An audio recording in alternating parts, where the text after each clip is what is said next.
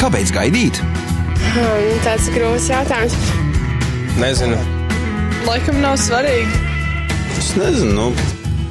Nu, ja jau tā ir mana vienīgā. Raidījums Kāpēc gaidīt? Labvakar, esiet sveicināti raidījums Kāpēc gaidīt? Kā ierasts Latvijas kristīgā radio ēterā otrdienās 18.10 minūtēs dzīvajā ēterā vai arī atkārtojumā, protams, varat klausīties gan Latvijas kristīgā radio arhīvā, gan arī tāpat nu jau kādu laiku varat mūs dzirdēt iTunes podkastos, Google podkastos un arī Mixcloud un vēl kādās citās interneta podkāstu, jeb varētu teikt, latviskāk interneta radio, radio raidījumu vietnēs. Šajā vakarā nedaudz citādāks raidījums. Šovakar nebūs man konkrēti viena tēma. Šovakar jums bija iespēja uzdot kādus jautājumus, un tad nu arī uz tiem es centīšos šajā vakarā atbildēt. Tāpat vēl nedaudz citādāks raidījums arī ar to, ka mūs var šobrīd redzēt arī Facebookā video tiešraidē, un arī tur tad varat klausīties un skatīties, un pēc tam arī ceru, ka šo informāciju iegūto novē tā saka, pielietot un gan dzīvē, gan varbūt kādam citam kā padomu. Jā, jautājumi Manuprāt, ļoti normāli, ļoti interesanti, un par kādiem, par lielāko daļu no šiem jautājumiem, jo mēs esam arī runājuši kādos raidījumos, tādēļ varbūt nebūs tāds ļoti, ļoti garš un plašs izklāsts, bet um, es tiešām domāju, ka tās ir tādas labas lietas, ko mēs varam atcerēties arī tie, kas jau tās lietas varbūt zina, gan atgādināt sev, gan, gan tā vispār, nu, kā saka, arī kādam citam. Uh, Um, jā, šie jautājumi šovakar, um, nu, kopumā man šobrīd um, ir šeit septiņi. Tāds, um, manuprāt, labs skaitlis. Un um, pirmais jautājums, kas arī, manuprāt, ir um, ļoti loģisks. Uh, Tātad pirmais jautājums, kāpēc tad gaidīt, vai ne? Uh, varbūt nedaudz paskaidrošu arī, uh, kas nezina par eh, ko tad vispār šis raidījums runā, vai ne? Eh, tad raidījums, kāpēc gaidīt, ir biedrības īsta mīlestība gaida veidots raidījums, eh, kurā mēs runājam par dažādām jauniešiem aktuālām tēmām, bet tā pamatdoma ir, kādēļ tad nevajadzētu nodarboties ar seksu pirms kāzām, kas seksam pēc kāzām ir labāks un kādēļ tad to nevajadzētu darīt pirms kāzām un vajadzētu gaidīt. Um, šajā vakarā, jā, atvainojos, aizmirsu iepazīstināt ar sevi. Mani sauc Viesturs Knopkins, un um, jā, reizi mēnesī apmēram šos raidījumus vadu es. Uh, kādēļ gaidīt? Nu, ja tu esi kristietis, tad um, atbilde varētu tev derēt, nu, tādēļ, ka uh, Dievs to tā ir paredzējis kopš pasaules iesākuma, vai ne? Ja mēs paskatāmies radīšanas stāstā, uh, tad, uh, nu, īstenībā jau varētu teikt, ka mums nebija ļoti ilgi, nu, nevis mums, bet uh, Ādamam varbūt nebija ļoti ilgi jāgaida, lai gan mēs nezinām, uh, kad Ādams tika radīts, cik ilgi pagāja laiks, uh, līdz, nu, tā kā īsti tika radīta Ieva. Jā, ļoti iespējams, ka tas bija vienā dienā, bet, kā mēs zinām, arī tad, um, dieva laiks no cilvēku laika, nu, mēs nezinām precīzi, vai ne? Ir, ir kādi teologi, kas uzskata, ka varbūt uh, tur tas laiks, ja mēs viņu sarēķinātu tā kā cilvēku laikos, uh, tad varbūt tas nebija gluži tajā pašā dienā, ka Ādamam uzreiz jau bija sieva. Bet tā ideja bija tāda, vai ne, kad um, Dievs pieveda Ādamam sievu, sievieti, un, um, un arī tikai tad, kad viņi bija tā kā uh, Dievs viņam to bija. Uh, pievedis, vai ne, un viņi bija Dieva priekšā, nu, tā varētu teikt, savienoti, tad viņi arī, viņiem bija, nu, varētu teikt, tā seksuālās attiecības, viņiem bija seks, un viņi tad, tad to darīja pēc kāzām arī.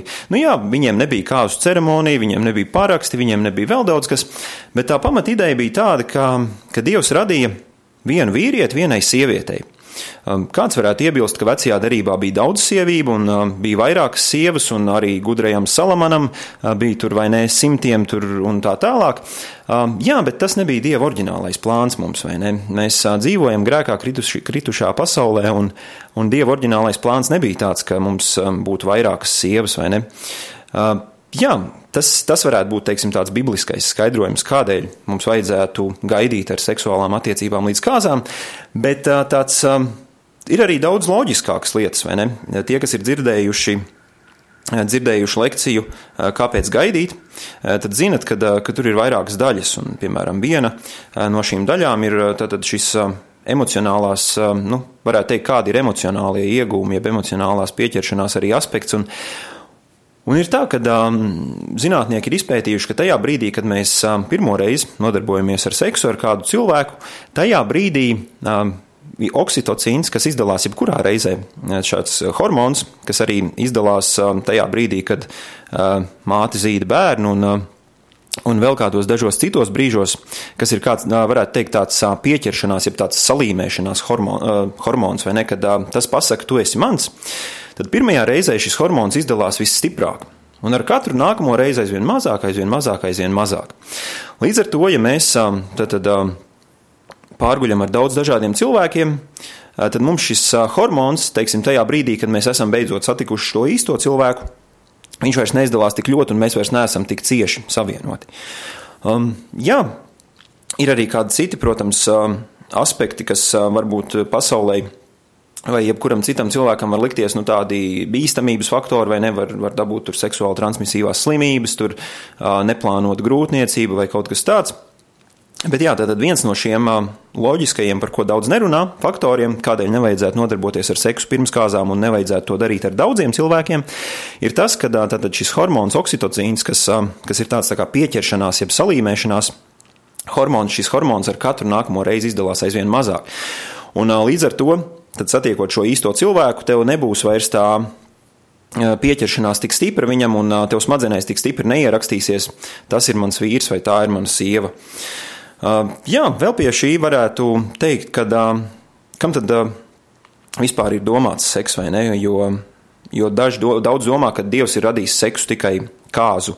Nu, tā kā nevis kāzu, bet tikai bērnu radīšanai, vai ne? Un tādēļ laulībā, un tad, tad, kad ir laulībā, tad arī labāk bērniem, vai ne? Un, bet īstenībā ir tā, ka sieviete stāvoklī var palikt kā ir izpētīts, nu, protams, tur tie cikli nedaudz mainās, bet apmēram sieviete var mēnesī stāvoklī palika tikai jā, dažas dienas.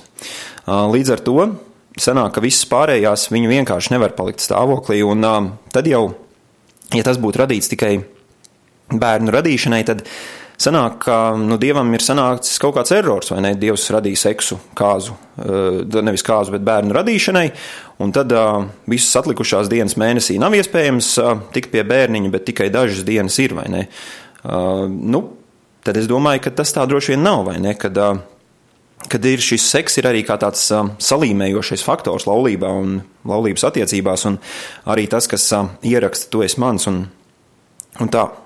Nu jā.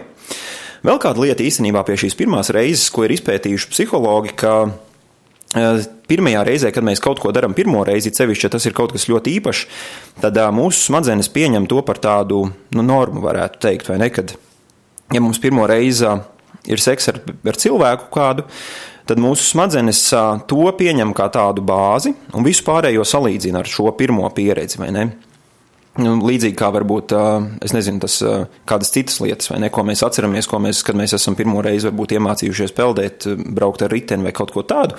Smadzenes to salīdzina.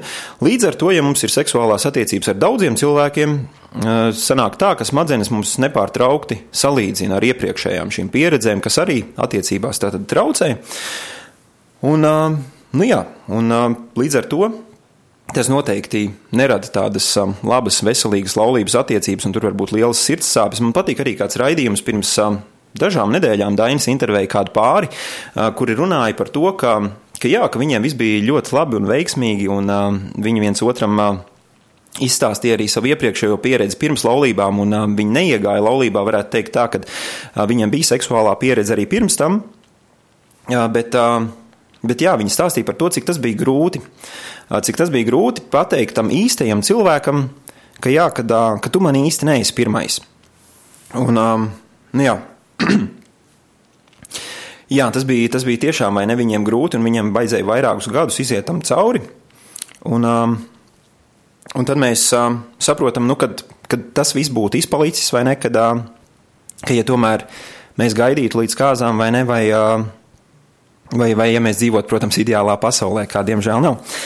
Um, jā, tad um, tas, tas var būt pie tā, kādēļ gaidīt. Tad, um, protams, pirmais, tā ir rakstīts Bībelē, ja tu neesi kristietis uh, un Bībele tev nav autoritāte, nu tad, um, tad gaidi tādēļ, ka uh, oksitocīns izdalās pirmajā reizē visvairāk. Tev ar pirmo cilvēku, ar kuru tev būs seksuālās attiecības, uh, to tu nekad neaizmirsīsi. Tas tev uh, salīmēs tevi visvairāk. Um, un otrā lieta, jā, kad uh, tā pirmā reize tev paliks atmiņā visvairāk, un tu visu laiku visu laiku mūs, visu laiku šīs pirmās attiecības tu salīdzinās ar katrām nākamajām. Ne, varbūt neapzināti, bet tā, tā vienkārši būs, jo tā, tā Dievs mūs ir radījis un smadzenes mūsu pirmo pieredzi tātad piefiksē visvairāk. Prieks arī, ka kādi klausās, skatās mūsu Facebookā, un tad, tad sveiciens arī visiem, kas skatās Facebookā, un jā, var arī mūs šobrīd redzēt Facebook tiešraidē. Nākamais jautājums, kā saprast, ka viņš ir mans īstais? Tas, manuprāt, ir ļoti, ļoti tāds nu, varētu teikt, diskutabls jautājums, bet arī ļoti interesants jautājums. Um, tādā ziņā, ka es zinu, ka bērnībā, nu, ne bērnībā, bet jauniešu gados es, es kādiem precētiem vīriem uh, uzdevu šo jautājumu, nu, kā tu saprati, ka tā ir tava īstā sieva vai ne? Nu, ka tā ir tava īstā sieviete, ko tu gribi, uh, ko tu gribi precēt. Un, um, tā atbilde bija, nu, tad, kad tu sas, uh, sastapsi vai ne, tad tu zināsi, un, un droši vien, ka daudz no jums tādu atbildi ir dzirdējuši. Um, manā gadījumā bija ļoti interesanti, tad, kad es sastapu, es nezināju, nē, es nepavisam nezināju, kad, uh, ka tā būs uh, mana īstā. Uh, tiesa gan, jā, protams, laika gaitā es to sapratu, vai ne? Uh, bet uh, nebija tā, ka tad, kad es sastapu savu, savu, savu sievu, Ilzi, nebija tā, ka es uzreiz zināju, ka viņa būs mana īstā. Um, kā, nu, kā es to zināju, vai ne? Um, grūti pateikt, vai ne? Bet, um, Man arī pirms kādiem dažiem raidījumiem es taisni runāju par to, kā saprast, ka viņš vai viņa ir mans īstais vai īstā. Um, es um, mm, varētu teikt, um, es kādus punktus dažus minēju, kas var jums palīdzēt sasta, uh, saprast, vai šis cilvēks varētu būt tavs īstais. Un tad šie punkti, uh, ko es minēju tad un minējuši arī šovakar, ir tādi. Uh, pirmais, sapra, saproti, kas tev konkrēti šajā cilvēkā patīk. Vai tas ir piemēram tikai apģērbs, vai varbūt tev patīk arī viņa raksturs, vai varbūt tiešām tev patīk tikai tas, kā viņš izskatās. Ja tev patīk tikai tas, kā viņš izskatās, tad nu, varētu būt, ka tā nav labākā lieta, lai nu, kā varētu teikt, tas nav pats pats svarīgākais, jo izskats dzīves laikā mainās. Piemēram, arī Tajā brīdī, kad es sāku satiku savu sievu Ilzi, es izskatījos pavisam citādāk. Es biju diezgan ar lieko svaru un izskatījos tiešām citādāk nekā tagad. Un cilvēki, kas man pazina pirms es kādus gadus, teiksim, desmit gadus atpakaļ, kad es pabeidzu vidusskolu, es arī tiešām izskatījos pavisam citādāk. Un ir, ir pat tāds interesants. Atgadījums bijis, kad, ka kāds cilvēks man pēc tam atsūta, un es zinu, es, es zinu, ka es to, to cilvēku vakar tiešām redzēju, bet viņš man nepazina, un viņš man nākamajā dienā atsūta, nu, kā viestur te vieta, es vakar redzēju vienu cilvēku, kas bija tāds bišķi līdzīgs tev, un, un tā, vai ne? Tā kā izskats ir mainīgs, izskats tiešām mainās, un ja jūs gribat nodzīvot līdz mūža galam, ir jāsaprot, ka tas, kā tu izskaties 20 gados, vai ne? Tas, kā tu izskaties 20 gados, nebūs tāpat, kā tu izskatīsies gados 90, vai ne? Ja Dievs jums ļaus laulībā tik ilgu laiku pavadīt. Bet, protams, ārējais izskats ir svarīgs, un ja mums tas cilvēks nepatīk vizuāli, tad visticamākais mēs arī neiesim klāt viņu iepazīt tuvāk. Bet tātad pirmais jautājums, kas varētu palīdzēt saprast, vai tas ir tavs īstais cilvēks, ir, kas tieši tev patīk vai ne viņā. Saproti, kas tev tieši patīk. Otrais Saproti, kas tev viņā nepatīk un ko tu viņā gribētu mainīt. Un šeit ir jāsaprot tas, ka, ja tu gribēji tajā cilvēkā mainīt tādas fundamentālas lietas, un tev, piemēram, liksies, nu, viņš tāds, nu, piemēram, meitene domā, nu, vispār jau man tas puisis patīk, bet viņš lēmumus pieņem ļoti lēni, vai ne? Viņš grib visu kārtīgi apdomāt, bet man gribētos, lai viņš tā ātri pieņem lēmumus un uh, tur nu, nevilcinās tā, un lai viņš var, piemēram, tur vēl kādas lietas darīt citādāk. Ir jāsaprot, ka mēs tādas globālās lietas cilvēkā mainīt nevarēsim.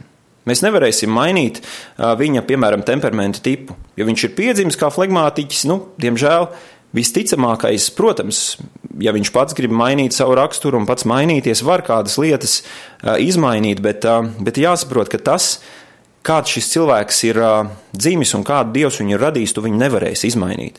Tātad, ja tās lietas, kas tev viņā nepatīk, tu, ja tu vari uzskaitīt ļoti daudz lietas, kas tev šajā cilvēkā nepatīk, ļoti iespējams, ka tas nebūs tavs īstais cilvēks. Jo ir tikai divi varianti. Tātad, vai nu tu šīs lietas pieņem, vai nu tu šīs lietas nepieņem, vai ne? Jo izmainīt, tad rodas tāda, nu, tautas valodā sakot, tāda knābājošā situācija, vai ne? Kad, kad tu visu laiku, ah, tu atkal jau tā un šitā. Nē, protams, tur, tur neiet runa vai ne par varbūt kaut kādiem sliktiem ieradumiem. Nu, piemēram, viņš nomet visu laiku zeķis vai kaut kas tāds. Nu, protams, tas ir maināms, bet, bet ja tu gribi šajā cilvēkā, piemēram, izmainīt, nu, vēl ir tāds tāds pavisam tradicionāls. Nu, varbūt tradicionāls, ne, bet klišejisks teiciens, nu, pēc kāzām jau tad es varēšu viņu izmainīt. Tad jāsaprot, ka pēc kāzām jau nekas daudz ļoti nemainīsies, vai ne? Viņu, tu nevarēsi viņu izmainīt pēc kāzām, jo, ja tev viņš nepatīk tagad, pēc kāzām nevarētu teikt, ka viņš tev ļoti daudz vairāk šis otrs cilvēks iepatiksies. Um, trešā lieta - vai jūs mākat komunicēt, vai ne? Vai jūs mākat runāt viens ar otru, jo tā ir. Uh, tā ir tiešām ļoti svarīga lieta, jo lielākās nesaprašanās laulībā, um, gan pēc pētījumiem, gan arī, var teikt, pēc um, savas pieredzes rodas tad, ja viens cilvēks um, neskaidri izsaka viedo, uh, savus, savas domas vai to, ko viņš uh, grib šajā brīdī pateikt, ja viņš to nemāk nogādāt no savas, savas, savām smadzenēm, no savas galvas, ja viņš to nemāk nogādāt otram cilvēkam līdz viņa smadzenēm. Um, jā, protams, komunikāciju var uzlabot. Bet ir cilvēki, kas vienkārši nesaprot. Labi, viņiem ir ļoti grūti, grūti tiešām sa saprasties arī gan šī temperamentu tipu nesadarība. Tās var būt vienkārši pilnīgi dažādas domāšanas. Uh, Un, ja tev ar šo cilvēku ir ļoti grūti komunicēt, ja viņš visu laiku tevi pārprot, ja tu nevari tiešām, ja tu nevari viņu, nu, ja tu nevari viņu saprast, ja tu nesaproti īsti, ko viņš domā ar to, kāpēc viņš tā domā, un, un jā, tad iespējams, ka viņš nav tavs, tavs, tavs īstais, vai ne? Ir arī Gerijs Čepmens, slavenais piecu mīlestības valodu autors, teicis tā, ka Ja nespēja vienoties par lietām pirms laulībām, vai ir pamats domāt, ka jums tas izdosies, kad būsiet precējušies?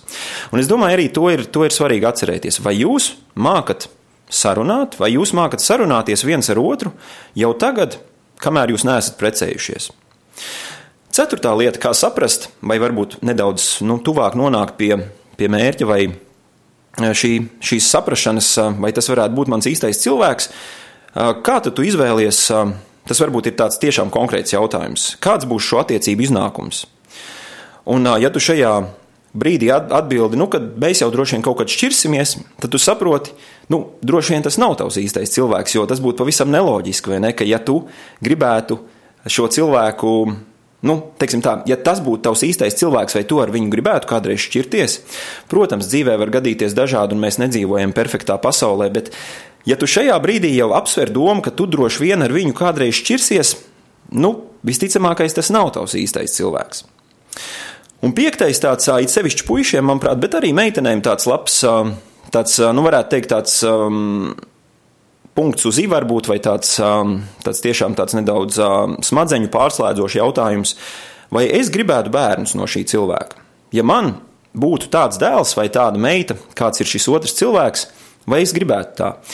Jo ir tā, ka bērni tiešām, varbūt ne vizuāli, bet arī pēc domāšanas, un dažreiz tiešām arī vizuāli izaug ļoti līdzīgi vecākiem. Un, Un uh, varbūt tas ne tik daudz ir tāds tiešām loģiskais jautājums, vai es gribētu precīzi tādu, nu, kopiju paste vai ne angliski sakot, uh, cilvēku, savu dēlu vai savu meitu, bet tas ir tāds labs smadzeņu pārslēdzošs jautājums, vai es gribētu tātad ar šo cilvēku kādreiz veidot ģimeni vai ne. Un, ja atbildi ir nē, es, es negribētu noteikti, nu tad atkal visticamākais, ka tas nav tavs īstais cilvēks. Var gadīties, protams, ka tu domā, nu, nevar īsti vēl saprast. Tas ir ok, bet uh, visi tātad šie pieci jautājumi varētu palīdzēt saprast, vai tas ir vai nav tavs īstais cilvēks. Tātad pirmais, kas man viņā patīk, otrais, kas man viņā nepatīk, ar domu, ka tiesa vai to varēs pilnīgi izmainīt.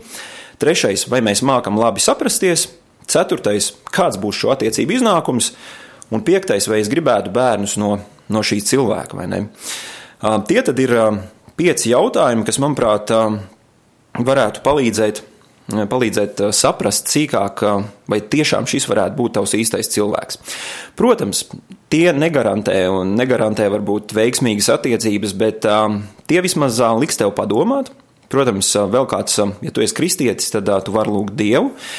Un Dievs tev dažādos veidos var apstiprināt, var atklāt, ir dažādi stāsti dzirdēti vai ne. Gan, ir pat gad, tāds interesants, kas man tagad tikko nāk prātā, kad, um, kad vienreiz uh, meitene bija iedomājusies, ka viņas īstais uh, puisis varētu viņai uzdāvināt zilu rozi. Un, kā jūs domājat, cik ir liela iespējamība, kad, ka puisis uzdāvinās zilu rozi? Nu, diezgan, manuprāt, maza? Es vispār mūžā neesmu redzējis zilas rozes, un, protams, tās rozes, kas ir zilas, tās ir krāsotas, un arī šajā gadījumā tas tā bija, bet tai meitenei tiešām puisis, ko viņu aprecēja pēc tam, uzdāvināja viņai zilu rozi. Un tā kā notiek arī dažādas tādas. Tiešām Dievs apstiprina, apstiprina to, ka tas ir īstais cilvēks arī caur, caur citām lietām.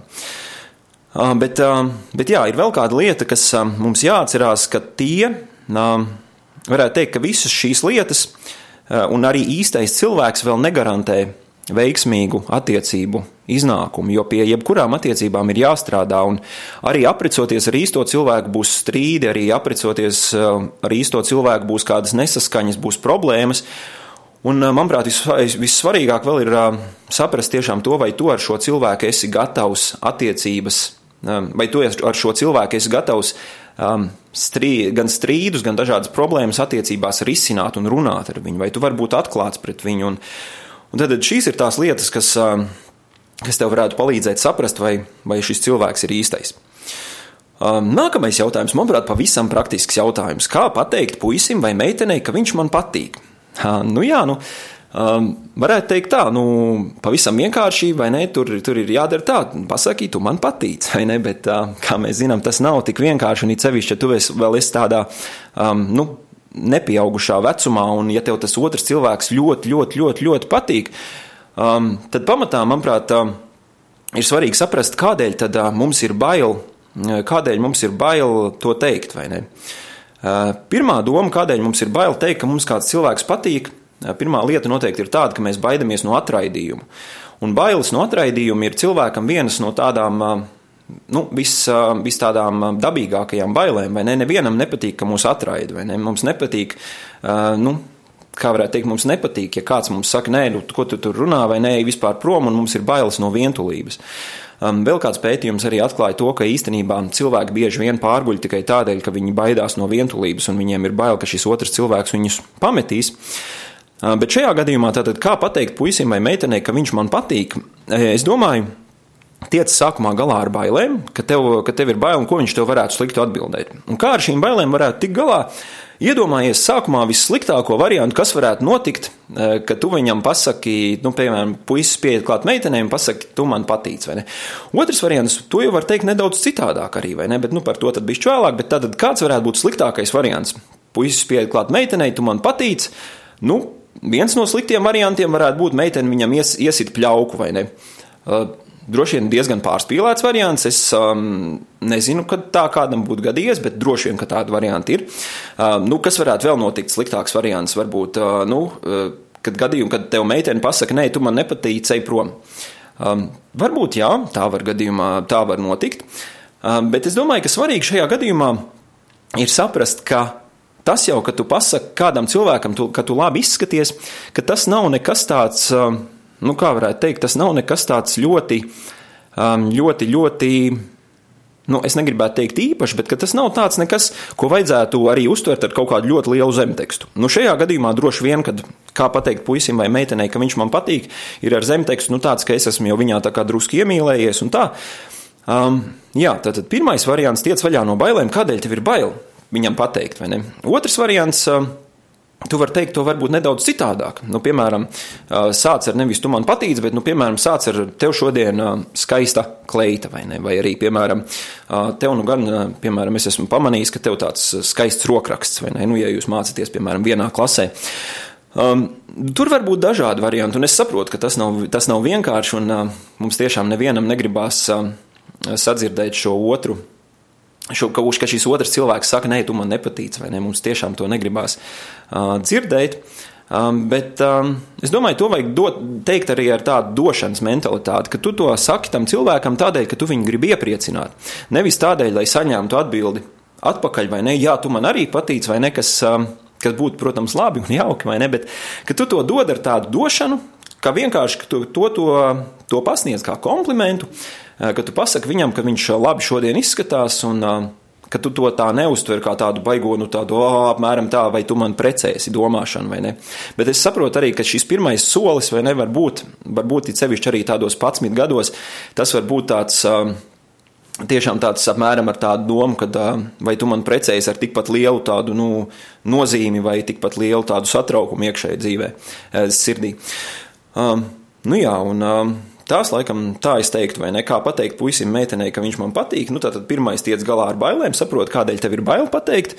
Un otrs, varbūt nesaka to tā tieši konkrēti šādos vārdos, bet var pateikt arī kaut kā citādāk, lai to varētu arī gadījumā uztvert kā, nu, teiksim, ja nu gadījumā tiešām gadās kaut, kād, kaut kāds atraidījums vai kaut kas, nu tad tad tiešām tas ir vienkārši nu, kompliments, ko tu dod, nevis tu to tā ļoti sāpīgi uztver. Un, un trešā lieta arī, nu, manuprāt, jāsaprot, ka tas jau mūsu sabiedrībā, varbūt it sevišķi latviešu vidū, tas nav tādi ļoti, ļoti izteikti, ka mēs sakam viens otram daudz komplimentus, bet, bet jā, mēs varam tiešām viens otram pateikt, tev, tev šodien labi kaut kas sanāca un tā, un tad jau tas tā dabīgi notiks arī.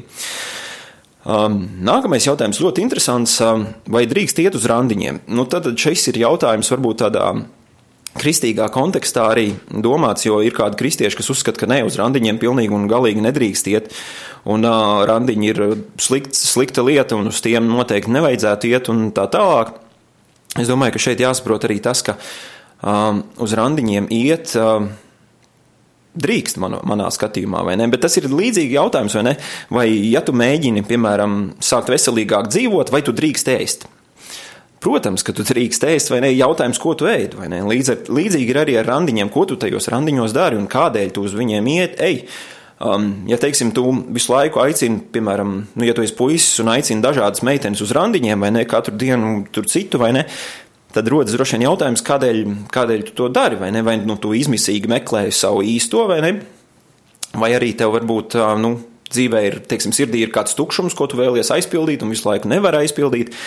Tas ir cits jautājums, vai ne? Ja, ja tu, teiksim, visu laiku aicini un aicini un aicini un aicini un atkal aicini kādu meiteni uz randiņu, un tikai tas randiņš atkal ir tikai viens randiņš un nekas un tā tālāk. Ko, manuprāt, nevajadzētu darīt, vai ne? Kad, šajos randiņos vai šajās tikšanās reizēs nevajadzētu, protams, nevajadzētu pārgulēt, vai ne? Kā mēs zinām, vēl kādas citas lietas nevajadzētu darīt, ja tā ir vienkārši, teiksim, saruna, satikšanās kafejnīcā ar draugu Tad uh, es uzskatu, ka jā, ka drīkst iet uz randiņiem, bet, uh, bet ir svarīgi, vai ne? Saprast pirmām kārtām, kādēļ, kādēļ tu ej uz šo tikšanos ar to cilvēku. Uh, atkal mēs varam, uh, protams, es domāju, ka randiņa tāds, ja tikšanās galvenais uzdevums uh, ir iepazīt šo cilvēku tuvāk, vai ne? Tad, tad uh, nu, varbūt iet uz, uh, uz kino manā skatījumā varētu nebūt ideāls vismaz pirmais randiņš, ne, jo nu, reāli jūs vairāk iepazīsiet filmas varoņus nekā viens otru, vai ne? Un, Varbūt labāk, teiksim, man liekas, aiziet kaut kur, iedzert kādu tēju un, un parunāt, vai ne kaut kādā gaisotnē, neitrālā. Otra lieta, vai ne?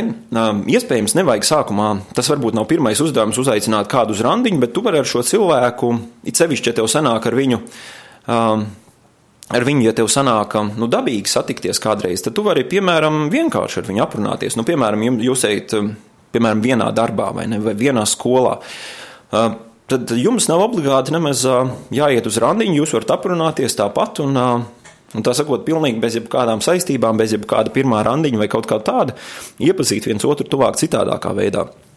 Bet, ja jautājums ir, vai drīkst iet uz randiņiem, tad, tad es saku, ka jā, drīkst. Tikai ir svarīgi, ko tu tajos randiņos dari un kādēļ tu uz viņiem ej. Tad atbild uz diviem jautājumiem. Kādēļ tu gribi ar šo cilvēku iet uz randiņu? Ja tu viņu gribi sīkāk iepazīt, saprast, vai viņš ir īstais, ļoti labi. Ja tu varbūt mēģini visu laiku aizpildīt kaut kādu tukšumu sevī, tad vajadzētu saprast, kādēļ šis tukšums ir radies un kā tu viņu varētu aizpildīt varbūt uh, citādākā veidā. Un, uh, un jā, jo uh, ir tā, ka, uh, kad ir kādas lietas, protams, otram cilvēkam tavā sirdī ir speciāla vieta, uh, kurā, kur ir paredzēta otram cilvēkam, bet iespējams to ar otru cilvēku centies aizpildīt kādus citus tukšumus savā dzīvē vai kādas problēmas aizmirst. Un, tad šīs attiecības vienkārši neizdosies, jo tas nav šī otra cilvēka uzdevums. Um, nākamais jautājums ļoti interesants. Kā zināt, kad ir laiks precēties? Um, nu, es teiktu tā, laiks precēties ir tad, kad tu esi sapratis, ka tas, otrs, ka tas otrs cilvēks ir īstais. Um, vai var būt gadījumi, kad laiks ir precēties vēlāk? Um, jā, jā, var. Var būt gadījumi, kad, kad laiks precēties ir vēlāk. Nu, piemēram, um, es zinu, ka uh, viens um, man tāds um, ļoti tūs, nu, varbūt ne tā fiziski tūs vai, ne, vai radnieciski, bet man ļoti patīk, kā runā Kris Voltons. Un viņš savu sievu Ketiju sa, sastapa jau agrā vecumā. Viņiem bija abi, abi divi viņi bija patsmitnieki, un viņš, nu, kā viņš pats saka, viņš saprata ļoti ātri, ka tā būs tā būs tā meitene, ko viņš gribētu apprecēt. Viņa arī apprecējās, kad uh, Krisam bija 18, un uh, tad, tad uh, viņa sievai Ketijai bija 16. Um, līdz ar to viņi nevarēja apprecēties ātrāk, jo reāli to neatļāva likums, ne? Tad, tad, jā, ja to neatļauj likums, ja jūs esat sapratuši ļoti agrā vecumā, ka jūs esat viens otram īstie, nu, tad varbūt nav vēl īstais laiks precēties. Um, otra lieta, es domāju, ka ir svarīgi arī saprast, vai tu esi gatavs atstāt savu līdzšinējo ģimeni, tātad savu tēvu un mātu, un vai tu esi gatavs, ja tu esi tātad puisis, vai tu esi gatavs par šo meiteni rūpēties, vai tu varēsi gādāt, vai jums būs kur dzīvot. Jo atkal, kā rāda dažādā dzīves pieredze, ne gan manējā, bet citu cilvēku, tad dzīvot pie vecākiem pēc kāzām nav pats labākais variants. Protams, gadās dažādi, un ja tas ir īslaicīgi un, un tā tālāk, tad, tad jā, bet, bet principā tas nav pats labākais modelis, jo tur tad var rasties kādas nevajadzīga, nevajadzīga spriedzi un kādi pārpratumi un vēl kādas lietas. Tad, tad arī otrs variants, kā zināt, kad ir laiks precēties, nu, ja tu esi gatavs gādāt par šo otru cilvēku, vai ne? Un, un jā. Um, Jā, tad, tad um, tas ir vēl kāds jautājums. Um, vēl īstenībā ar to saistīts jautājums, manuprāt, ļoti interesants. Uh, kāpēc laulību šķiršana mūsdienās tikai aug un aug, lai gan ir lielāka brīvība un vari taču izvēlēties, ar ko precies? Um, jā, es neesmu, protams, uh, liels um, eksperts šajā jomā, un es neesmu pētījis to, bet uh, kā man šķiet, un kā es esmu arī teicis kādos raidījumos, tad um, lielā izvēle ir arī viena no problēmām. Jo iedomājieties arī, piemēram, šobrīd ir sevišķi tie, kas skatāties Facebookā, vai ne? Jums taču ir tik liela, liela iespēja, ko skatīties šobrīd, vai ne? Jūs skatāties mani, piemēram, raidījumā, kāpēc gaidīt, jūs skatāties šobrīd, šobrīd Facebook tiešraidē. Tikpat labi nākamajā brīdī jūs varēsiet skatīties miljoniem dažādu, izvēlēties starp miljoniem filmu, bet kas ir interesanti, vai ne, ja mēs ieejam, piemēram, kādos Latvijas vai ārzemju video portālos, tās filmas tur ir tik daudz, ka mēs nevaram izvēlēties, vai ne? Mēs, ir, mēs tikai tīnām uz leju, tīnām uz leju, tīnām uz leju, un tā arī beigās neko nenoskatāmies. Uh, otra lieta, vai ne, arī kas uh, ar šo sociālo tīklu, mm, tīklu mm, progresu, es nezinu, kā to varētu teikt, šo sociālo tīklu straujo ienākšanu mūsu ikvienā dzīves jomā, uh, kas notiek, ka mēs uh, ikdienā redzam ļoti daudz daudz, daudz pretējā dzimuma cilvēkus. Kādreiz, vai ne, ja mēs salīdzinām, es domāju, nu, arī Latvijas, es nezinu, 1900. gadu sākumu vai ne, lauku vai pilsētas cilvēkus, viņi ikdienā neredzēja tik daudz pretējā dzimuma cilvēkus, līdz ar to nebija šis. Nu, es nezinu, vai to varētu nosaukt par kārdinājumu, bet tu nevarēji tik daudz, vienkārši fiziski tev nebija tik liela iespēja izdomāt, nu, bet varbūt man ar to otru cilvēku būtu sanākušas labākas attiecības. Un, um, un es domāju, arī tas ir tiešām um, viens no, uh, viens no iemesliem, kādēļ mēs, um, nu, kādēļ mēs nē, bet nu, kādēļ cilvēki sabiedrībā šķiras, diemžēl. Un, un trešā lieta, es domāju, arī ir tā domāšana, ka mūsdienu domāšana, ka ja nesanāk ar vienu, nu, tad labāk sanāks ar nākamo. Uh, kādos gadījumos ļoti iespējams tā var būt, vai ne? Ja tu tiešām neesi zinājis kaut ko un uh, Un, jā, un tad tiešām gadās arī tā, ka kādreiz šķiras, bet kas ir ļoti interesanti, tad šķiršanās rādītājs otrajā laulībā ir divreiz lielāks kā pirmajā. Nu, protams, atkal varam domāt, kādēļ tā. Un, Un nav tā, ka, ne, kad otrās laulības, ka tad, kad tu aprecies otro reizi, nu, tad, tu, tad tā ir stiprāka laulība, vai ne? Un uh, ir jāsaprot, ka mums jau jebkurās attiecībās ir problēmas, un uh, mums ir jāmācās viņas risināt.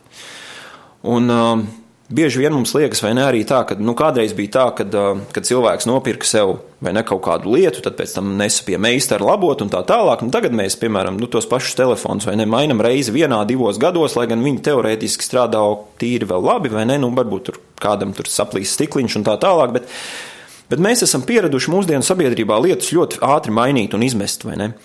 Ja mēs to darām ar lietām, nu, tas ir ok, vai ne? Ja tu to vari atļauties, vai ne? Tas, protams, veicina ekonomiku, ir atkal, atkal jauni, ne, jauni telefoni, un mēs, mēs atkal, vai ne, tāpat jau tā nauda, vai ne, iet visu laiku apritē, un, un ja mēs pērkam jaunas lietas, tad viņa vairāk vai mazāk arī pēc tam atnāk, atnāk pie mums kaut kādā veidā atpakaļ. Bet ja mēs mainām cilvēkus, vai ne, tas, diemžēl, tas tā nav, vai ne, un ja mēs ja mēs visu laiku mainām cilvēkus, tad šīs attiecības nepaliek stiprākas. Jo mēs visu laiku meklējam, nu, varbūt ar to būs labāk, nē, no šito īsti labāk nav, nu, varbūt ar nākamo, varbūt ar nākamo. Un tā tiešām tas, manuprāt, arī ir tas, tas galvenais iemesls, kādēļ mūsdienās šķiršanās tikai aug un aug, lai gan ir lielāka brīvība un vari taču izvēlēties, ar ko precēties. Jo, Jo mums bieži, bieži vien liekas, ne, kad, kad varbūt ar to citu cilvēku sanāks labāk, varbūt, varbūt šīs attiecības mēs esam šajās attiecībās noguruši, un, vai, vai vēl kādas citas lietas. Un, un Kreigs Grošels, manuprāt, ļoti labi ir teicis, ka nolemt šķirties tikai tādēļ, ka mūsu starpā beigusies mīlestība, ir tas pats, kas. Tad ir tas pats, kas mainīt mašīnu tikai tāpēc, ka mašīnai beidzies benzīns. Jo šo mīlestību var atjaunot Un šo mīlestību var tiešām atkal uzpildīt. Un arī Gerijs Čepmens ļoti labi runā grāmatā Piecas mīlestības valodas par, par to, ka mums katram ir tāda mīlestības krātuve, un ka mums katram viņa var būt tukša, un viņa var būt pilna, un mēs katrs nedaudz citādi viņu piepildam un sajūtam mīlestību. Un, Un tad, tad šīs lietas ir svarīgi atcerēties, ka, ja tev liekas, ka, piemēram, tu esi ar šo cilvēku precējies, bet tev liekas, ka visa mīlestība ir pazudusi, tad, tad ir ļoti laba ziņa. Tu vari šo atkal, atkal šo mīlestību atjaunot jūsu starpā. Un, un pie šīm attiecībām strādāt. Un, protams, tas var nebūt viegli un, un tā tālāk, bet kā tiešām tas ir pliks statistikas fakts. Nākamās laulības šķiras, šķiras daudz ātrāk un daudz biežāk nekā pirmās laulības. Un, jā, es nezinu, vai es atbildēju uz šo jautājumu, kādēļ laulību šķiršana mūsdienās tikai aug un aug, vai ne, bet, bet tā man šķiet, ka tās, tās, tās arī ir tās lietas. Um, jā, prieks arī, ka mūs diezgan daudz cilvēku vēro šobrīd uh, tiešraidē uh, Facebookā. Speciāls sveiciens arī visiem, uh, visiem, visiem, kas mūs skatās Facebookā. Um, jā, nu, raidījums, kāpēc gaidīt, gandrīz ir arī izskanējis.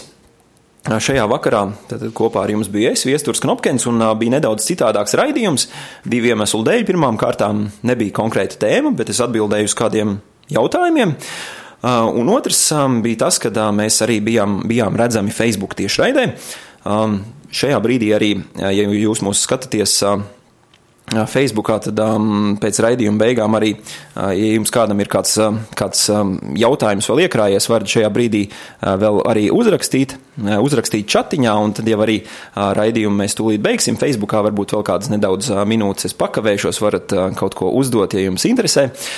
Un uh, jā, tiksimies ar jums. Uh, rudenī. Tiešām ar jums tiksimies atkal visticamākais rudenī, jo, kā jau jūs zinat, tad parasti raidījumā, kāpēc gaidīt, es esmu reizi mēnesī.